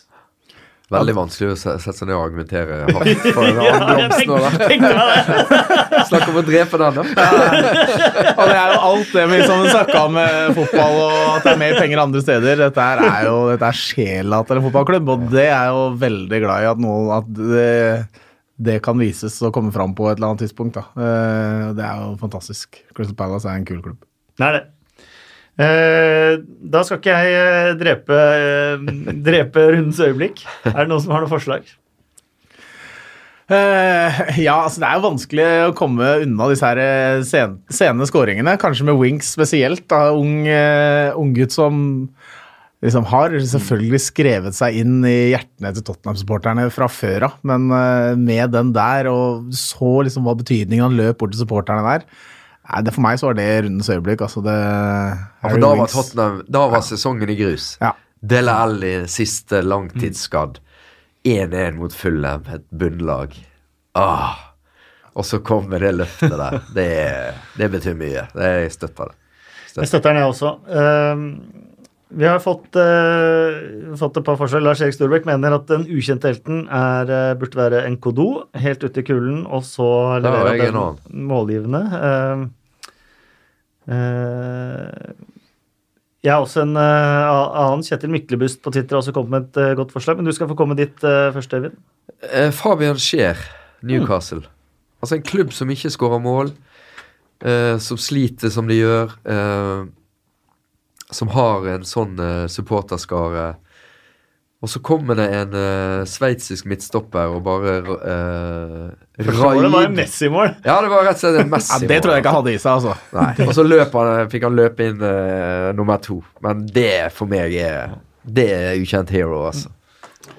Jeg har fra samme kamp, faktisk. Ja. Solomon eh, Rondon, som smekker ballen i huet på Joe Bennett. Eh, kunne fortsatt angrepet, men sparker ut ballen med en gang og tilkaller eh, assistanse. Og det er litt Men det er ikke ukjent helt. Nei, men han har gjort det før. Husker, eller ikke gjort det før, men Husker du han brakk beinet på Var det på Goodison Park? På en, på en spiller hvor han var helt knust etterpå. Han gikk gråtende av, av banen da. Jeg tror ikke han Ja. spilte kampen etter, for han var så Det gikk så innpå han. Eller da han tok Jedlin, da han spilte for West Bromwich. Jedlin holdt på å gå på trynet, og han bare tok tak i Jedlin Og og, og satt han på beina. Det er flere kraft i den eh, karen her. ja, Han slår meg som en ekstremt fair play-fyr. altså. Ja, det øyeblikket der var jo litt eh, De kan jo på Goodison eh, Ja. på Westham der. Ja. Det var sånn u ufattelig uegoistisk. Eh, for de var jo i angrep, Ja. og det er bare å spille. Det har vi jo sett eh, mange eksempler på. Men det er jo ikke en ukjent helt. Det er jo mer en sånn eh, en blomst. ja, han var- litt av blomsterbuketten til Palace, da. det, deler. Ja, jeg er enig. Jeg liker jo lik, lik, alt det dere har nevnt. Helt top notch. Da har vi kaktusen. Minst hyggelig å dele ut. Ja. Du starte? Nei, jeg vil ha han, men jeg vet ikke hvem det er i farten. Han eh, Leicester-spilleren som uh, slår Ja, den overambisiøse. Ja, var det Danny Simpson? Han kan jo nesten få den uansett, for Danny Simpson spilte jo nesten til eneren på børsen. Men han har jo spilt Ja, men han kommer jo fra venstre, den pasningen, vel. Så. Ikke det? Ja, han kom fra venstre. det kom fra en slags venstre bekk eller stopper. Men det var med høyre, så Ja, han gikk inn i banen og slo Ja, den så jeg er irritert med det der- Kan det ha vært Morgan eller Evans så, eller Nei, det var ingen Nei. de bak jeg så. Nei, jeg husker. Evans forresten havna i den situasjonen vi snakka om på den pasningen. Så havna, du la akkurat ut et bilde nå for et par dager siden på, som var ditt favorittbilde fra din fototid. Ja! Og Jan Derek Sørensen dro På tunnel på, på, ja, på, dro tunnel på Bård Borgersen. Hvor Bård Borgersen blir stående i en sånn veldig breibeint stilling. Med I parterre, rett og slett. Ja. Og sånn ble Johnny Evans omtrent stående i den samme situasjonen der. Så det var ikke et vakkert, eh, vakkert skue i det hele tatt. Nei. Kan du nevne at det er mange som, har, eh, som ikke holder med Liverpool, som har eh, Mohammed Salah som Ja. eh, forslaget på kaktusen for, eh, for runden, da. Ja, det kan jeg kan forstå når det, det hadde jo når, når Liverpool kjemper i toppen, så vekker det følelser både på godt og vondt. Og da er det jo en sånn eh, en Jeg sånn, syns det er greit å eh, gi til ham, for vi har gitt ham faktisk eh, blomst da han holdt seg på beina mot Bournemouth og, og scora. Så Ja. da kan han ha det eh, Både blomst Det er og kaktus. Ja. Nå får du en kaktus, og så må du tilbake til Bournemouth-taktene. Ja. Det var det. Eh, Vi eh, går en kjapp tur innom eh, siste uka. Det har vært et par litt store, store ting som har skjedd på overgangsfronten. Peter Czech legger opp etter denne sesongen. Når jeg har deg i studio som har kommentert Ja. en livstid, nærmest. Fire ligamesterskap, Champions League, FA-cup. Vunnet gullhansken fire ganger. Vært en markant figur i Premier League i, i 15 år. Han er den eneste keeperen som utfordrer tre Manchester United-keepere om å være Premier League-historiens beste. Og da er vi jo i Premier League-historien, altså 92-93 frem til i dag. For jeg syns både Schmeichel, van der Sar og De Gea er brennheite kandidater. Men Peter Cech utfordrer de, og rekkefølgen på dem kan du nesten eh, bestemme sjøl. Men jeg husker når han kom til Premier League. Det var sammen med Mourinho 2004. August. De møtte Manchester United i første kamp. De vant 1-0. Han holdt nullen. De slapp jo nesten ikke inn mål hele sesongen. Vant Premier League. Cruisa inn. Uh, I motsetning til de andre så har jo han vært der så lenge at du har begynt å se litt andre sider av han da. Det er alltid med på å liksom dra ned litt. Litt som Wayne Rooney. Mm. Det drar ned liksom eh, ettermælet ditt. At du eh, stick around too long. Så Men Så hadde han selvfølgelig denne situasjonen med Stephen Hunt. Ja. Eh, hodeskaden. Sånn. Eh, enkelte eksperter på dette her mener at han har spilt nesten i litt livsfare hver eneste gang han har gått ut på banen med, med den hjelmen. At, den, at det er ikke så mye som han skulle til for at dette her har gått gærent. Og hjelmen må beskytte egentlig veldig lite hvis han har kommet ut i feil, feil situasjon. Ja, Da krever det litt å hive seg ut når det er spisser. Vi har snakka om tempoet de kommer inn i, og det, dette foregår i. Nå hiver seg ut ned i beina på en spiss som er på vei gjennom, eller på et innlegg som kommer inn fra siden, og det kommer to spisser stupende inn, og du hiver deg ut og henter den ballen. Så det er eh, sånn sett så nesten noen ganger for keepere så er det litt ekstremsport over det, og spesielt når du allerede har fått en del av disse smellene. så eh, for, en, for en keeper og for en, eh, for en kapasitet han har hatt. Jeg la ikke ordentlig merke til det før jeg kommenterte Bournemouth mot Arsenal, hvor han sto og varma opp Bernt Leno. Å se Peter Czech stå og varme opp en keeper på oppvarminga, det syns jeg var rart. Ja. Rett og slett. ja. Eh, vi må bare, jeg skal bare to ord om Cardiff også, for nå har de henta to nye spisser. Omar Nias på lån fra Everton. Emiliano Sala fra Nantes. Eh, Han har tolv mål på 16 kamper fra start og- og tre innhopp i, i league A denne sesongen. Eh, Men allerede så var det snakka før disse to kom om hvor mange spisser Cardiff og et lag egentlig kan ha. Ja. Det er nesten som å spille football manager. Da kjøper spisser hele tiden. Man må ha den som scorer mål. Til slutt sitter man med ti spisser i stallen, og det er nesten det Cardiff har nå. Ja. Ja, det er, jo, det er jo bare et forsøk på å treffe blink. Altså, det, det kan gå. Mest sannsynlig går ikke det. Mest sannsynlig går Mest ikke det. går ikke det. Finne, en- finne en som scorer i Premier League, er ufattelig vanskelig. Da går vi over på Bill Edgar, for de som har gleda seg til eh, det. Arsenals syv siste. Aldri skjedd! Første gang siden er den sjette spilleren. Fun factsene til Bill Edgar. Bill Edgar, eh, statistikkmannen i eh, The Times, kommer med sine betraktninger hver mandag i bilaget The Game. Eh, Vi har jo alle oppdaga alle de tingene der, men eh, Bill. Edgar er mye sykere, så det er mye morsommere å, å sitere han i podkasten. Eh, han har noen eh, denne gangen også. Manchester City er det første toppdivisjonslaget som har skåret 22 mål på fire kamper alle turneringer uten å slippe inn. Så det er vel sånn at Liverpool skåret 22 mål og fire kamper i 1980, men de slapp inn to. Eh, Julian Speroni er den eldste søramerikaneren som noen gang har spilt i den engelske ligaen. da han spilte på Anfield nå. Og han gjorde vel også sånn at nå er 70-tallet representert også hver eneste sesong siden da Premier League startet i, i 1992, eneste årtiet. Tror du om en uke at han blir en uke eldre som spiller i, i Premier League, eller tror du kan få starte neste etter det som skjedde i helgen? Nei, De prøvde jo desperat å hente en keeper før matchen på, på Anfield. og Så var det spørsmål om han skulle være backup, eller om det var så farlig å la Speroni spille at han skulle rette inn på, på laget. Men Holtsen har vel aldri vist noe tillit til eh, Speroni. Men han har vært i Palace i 15 Ja, år, det er enormt populær. Ufattelig trist en klubblegende blir så skyld i tapet, da. Det er jo det. Uh, uh, her er en fin en. Uh, og det, det er veldig Bill Edgar, da. Men i helgen var det Klopp foran The Cop, Emery på Emirates og Hudson for Huddersfield. Hey. Var, var ikke noe Harry Wings der også var ganske sprø? Eh, en Harry Wings-fan. eh, den kommer. Ja. Kun 19% av kampene i Premier League denne sesongen har endt uavgjort. Fortsetter det på dette nivået, vil det være den laveste uavgjorte ratioen siden 1931-32. Spurs har null fremdeles? Spurs har fortsatt null. Ja. De var nære. Ja. Han kommer ikke mye nærmere enn det. Nei. Nei, og mot United òg. Veldig Ja. Ja. Eh, og så har vi Harry Winks, ja, for han skåret uh, Tottenhams andre mål mot uh, Fulham. Det var også Harry Winks andre mål for Tottenham. Han er født den andre dagen i den andre måneden av året og er 22 år. Hey. Var du på hjemme hos Bill Edgar når han kom opp med det der? Er det, er det litt sånn der high fives i familien? Her? det må det være. Lite sånn der, lite gledessyn? Hør på den her! Listen to this! Jeg liker den siste her òg, jeg, da.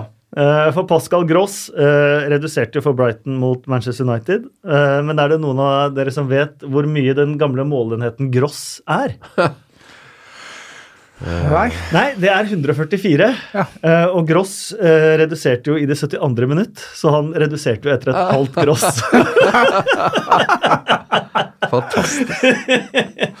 Ja, det er helt nydelig. For gross, det er tolv dusin? og nå Oi, gamle mann. Tolv ganger tolv? Ja. Ja, jeg tror det. Det er det, ja. Ja, jeg tror det. Oh, Ja, dusin, dusin. det er dusin, dusin. Ja. Ja. Riktig. Prøv Som et tips til deg, Bill Edgar, får du til noe med dusin, dusin. Jeg vet ikke hvem, hvilken spiller du skal prøve på. Sammen. Vi tar med oss et par eh, spørsmål fra Twitter før vi, eh, før vi avslutter med fem kjappe spørsmål. Um, Alexander spør Øyvind hvilken kamp var din første fra kommentatorplass i England? Det var Middlesbrough Blackburn, tror jeg. Noen spesielle minner? 95. Ja, Fjørte og kyssa Tim Flowers på meg. Det var den første, ja. Jeg tror det var den første i England. Det er sykt, faktisk. Det var i Italia før det. Mye Middlesbrough i min uh, tidlige Premier League-karriere. De var jo topplag. Ja, ja, ja. Fjørtoft var der, Juninho var der, og, og Craig Hignett og Nick Barmby, og så kom Ravanelli, og så var det jo et, Emerson's Going Home. ja, ja, det var et kanonlag. Umulig å komme seg dit. Umulig å komme seg derfra. Men det var der jeg ble sendt i 95. Og det var på gamle Airsome? Eh, nei, Nei. de hadde bytta. Ja, de bytta før EM. Ja. Så det var akkurat, eh, Da var han splitter ny, da. Ja, helt ny. Ja. Sant. Ja, for de må jo ha vært 95, ja. ja. Ja. Så den var klar før det. Mm. Så da var det han Gibson eh, var kommet inn der, Ja. og ny stadion, og ja, det var, det var Klondyke-stemning i Middlesbrough der. Ja, det er ikke det nå for tida. Nå er det buing på Tony Pulis hver eneste hjemmekamp. Ja, ja. og han var knallhard nå i helga, faktisk, Tony Pulis. At eh, med dette, denne hjemmefansen her, så er vi mye bedre på bortebane. De knyter seg hjemme. Det er ikke til hjelp for noen. Jeg bryr meg ikke noe om det, for jeg står bare der, sa Pulis. Eh, men for spillerne så er dette her veldig ska eh, skadelig. Ja, det er det jo. Eh, Freddy, uh, Benjamin uh, Sars spør hvilket lag hadde du i, i England i din prime passet best inn i? Å ja, som spiller? ok. Um, nei, altså det er glad at du sier min plan, for det var lenge For nå går altså de, lø, altså de løper så fort, hele gjengen der. Så jeg er glad at, for det at, si at rundt 2000 så var det litt mer stillestående i engelsk fotball også enn det det er akkurat nå. Eller ikke stillestående, men det var i hvert fall ikke alle løper ikke 100-meteren på ni blank, som det føles som de driver med nå. Så ja, det ville vært et lag som uh, lå litt bakpå. Jeg kunne stå på høyrebekken og stange litt og sånn. Ja, Du og- kunne tatt jobben til Niklas Aleksandersson i Sheffield Wednesday for det. Ja, for så vidt. Ja. Det hadde kanskje vært en, eh, et sted jeg kunne eh, kose meg. Spilt mange posisjoner og vært på konsert i Sheffield en gang for lenge siden og trivdes godt den kvelden. Og det var, eh, ja, absolutt. Så kanskje det. Sheffield Wednesday, var det Petter Rudi-tid Idol, eller så vi hadde hatt en lagkamerat fra Norge òg? litt soltvett og Ja, da ser du. Du kunne jo Chris Waddle på helt på slutten her. Jeg har, spilt med Chris, han, da! jeg har spilt med Chris Waddle. Det skal jeg si nå. Det var under EM 2012 at jeg var- var i Sjaktar, eller Donetsk heter det jo, eh, og skulle dekke eh, Jeg tror det var England-Ukraina. Ja. Eller jeg vet ikke hva det var England var i hvert fall der. Eh, Det var ikke England, Ukraina. Uansett, det er det samme. Men så står jeg i heisen på hotellet, og så kommer Stan Collymore inn. Og så står jeg og da Christian Torkelsen, min kollega, vi står der, og så sier jeg Hei, som begynner å prate litt. Og så skal de dra og spille en presselandskamp mellom England og Ukraina på et eller annet sånt felt der. Vi, bare, vi holdt på å lage saker som handla ikke om selve fotball, men vi skal, skulle da være med det som skjer rundt. Så jeg dro og lagde en sak, og så de bare Vi mangler en mann, Freddy vil jo spille. Så jeg spilte for det engelske presselandslaget. Med Stan Colmore, med Chris Waddle som stopper, for en venstrefot han fortsatt har. Og jeg som spiss skåra et mål. Vi vant 3-1. Ah.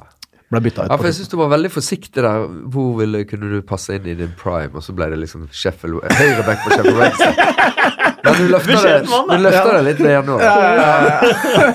Ja da, ja da, altså, altså herregud. eh, Hvis man tenker det sånn, da. I U, jeg spilte U21-landskamp mot Sveits i 97, tror jeg det var. Og så ble jeg bytta ut til pause, lå under 2-1, og inn kom Vegard Heggem.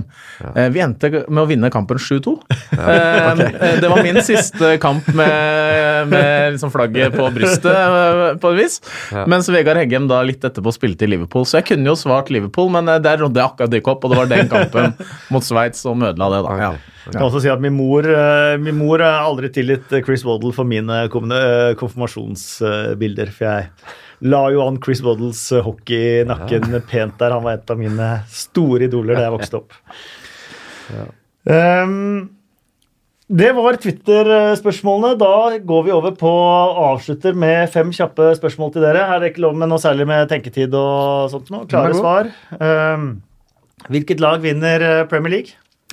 Liverpool. City. Eh, Hvilke to av topp seks havner utenfor topp fire? Chelsea og eh, Manchester United. Arsenal. Manchester United. Eh, hvilke lag rykker ned? Huddersfield, Cardiff, Cardiff. Cardiff. Fulham. Ja. Ja. Eh, favorittbane i England?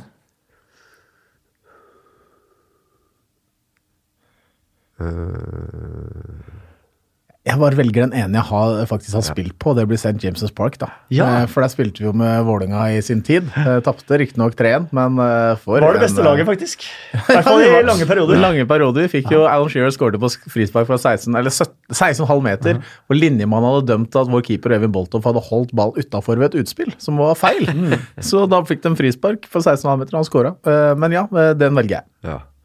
Den er jo på topp tre-lista, da. Uh, Anfield. Um, og så uh, en spådom. Bruk, ender Spurs opp med å bruke penger i januar? På spillere, da. Ja. Ja, de må. De må. Blås i FFB. Det kan, jo, det kan jo ende med at de faktisk kvitter seg med nå, da. At eh, man kan eh, gjøre rom for det på et eller annet vis. Da, for det har jo noen Kino der Dembélé-penger, da? Litt Ja. Dembélé-penger Ja, ja, kan, de, kan de kanskje, kanskje bruke der. Du, dette har vært eh, utrolig hyggelig, folkens. Takk Like måte. Tusen takk for at dere kom. Eh, hvis du likte episoden, så gå gjerne inn på iTunes og gi den en eh, rating eller fem stjerner og en eh, liten kommentar. Eh, du kan gjerne reklamere for uh, podkasten til eh, venner og kjente og familie også. Og så er vi på Twitter. 2PLpod heter vi eh, der. Og takk både til Håkon og til eh, Moderne Media for at de har laget episoden og tatt varmt imot oss eh, her, som de alltid gjør. Eh, og ha en eh, flott uke. Nå er det FA-cup til helga, og så er det midtukerunde i Premier League etter det. Og så er det jo allerede ligacup i eh, midtuka. Klarer Burton å hente inn eh, 9-0 mot Manchester City? Det Kan gjenstår gå å se. hvis eh, Pep kommer med svekka lag. Så videre et par stjerner. Takk for nå.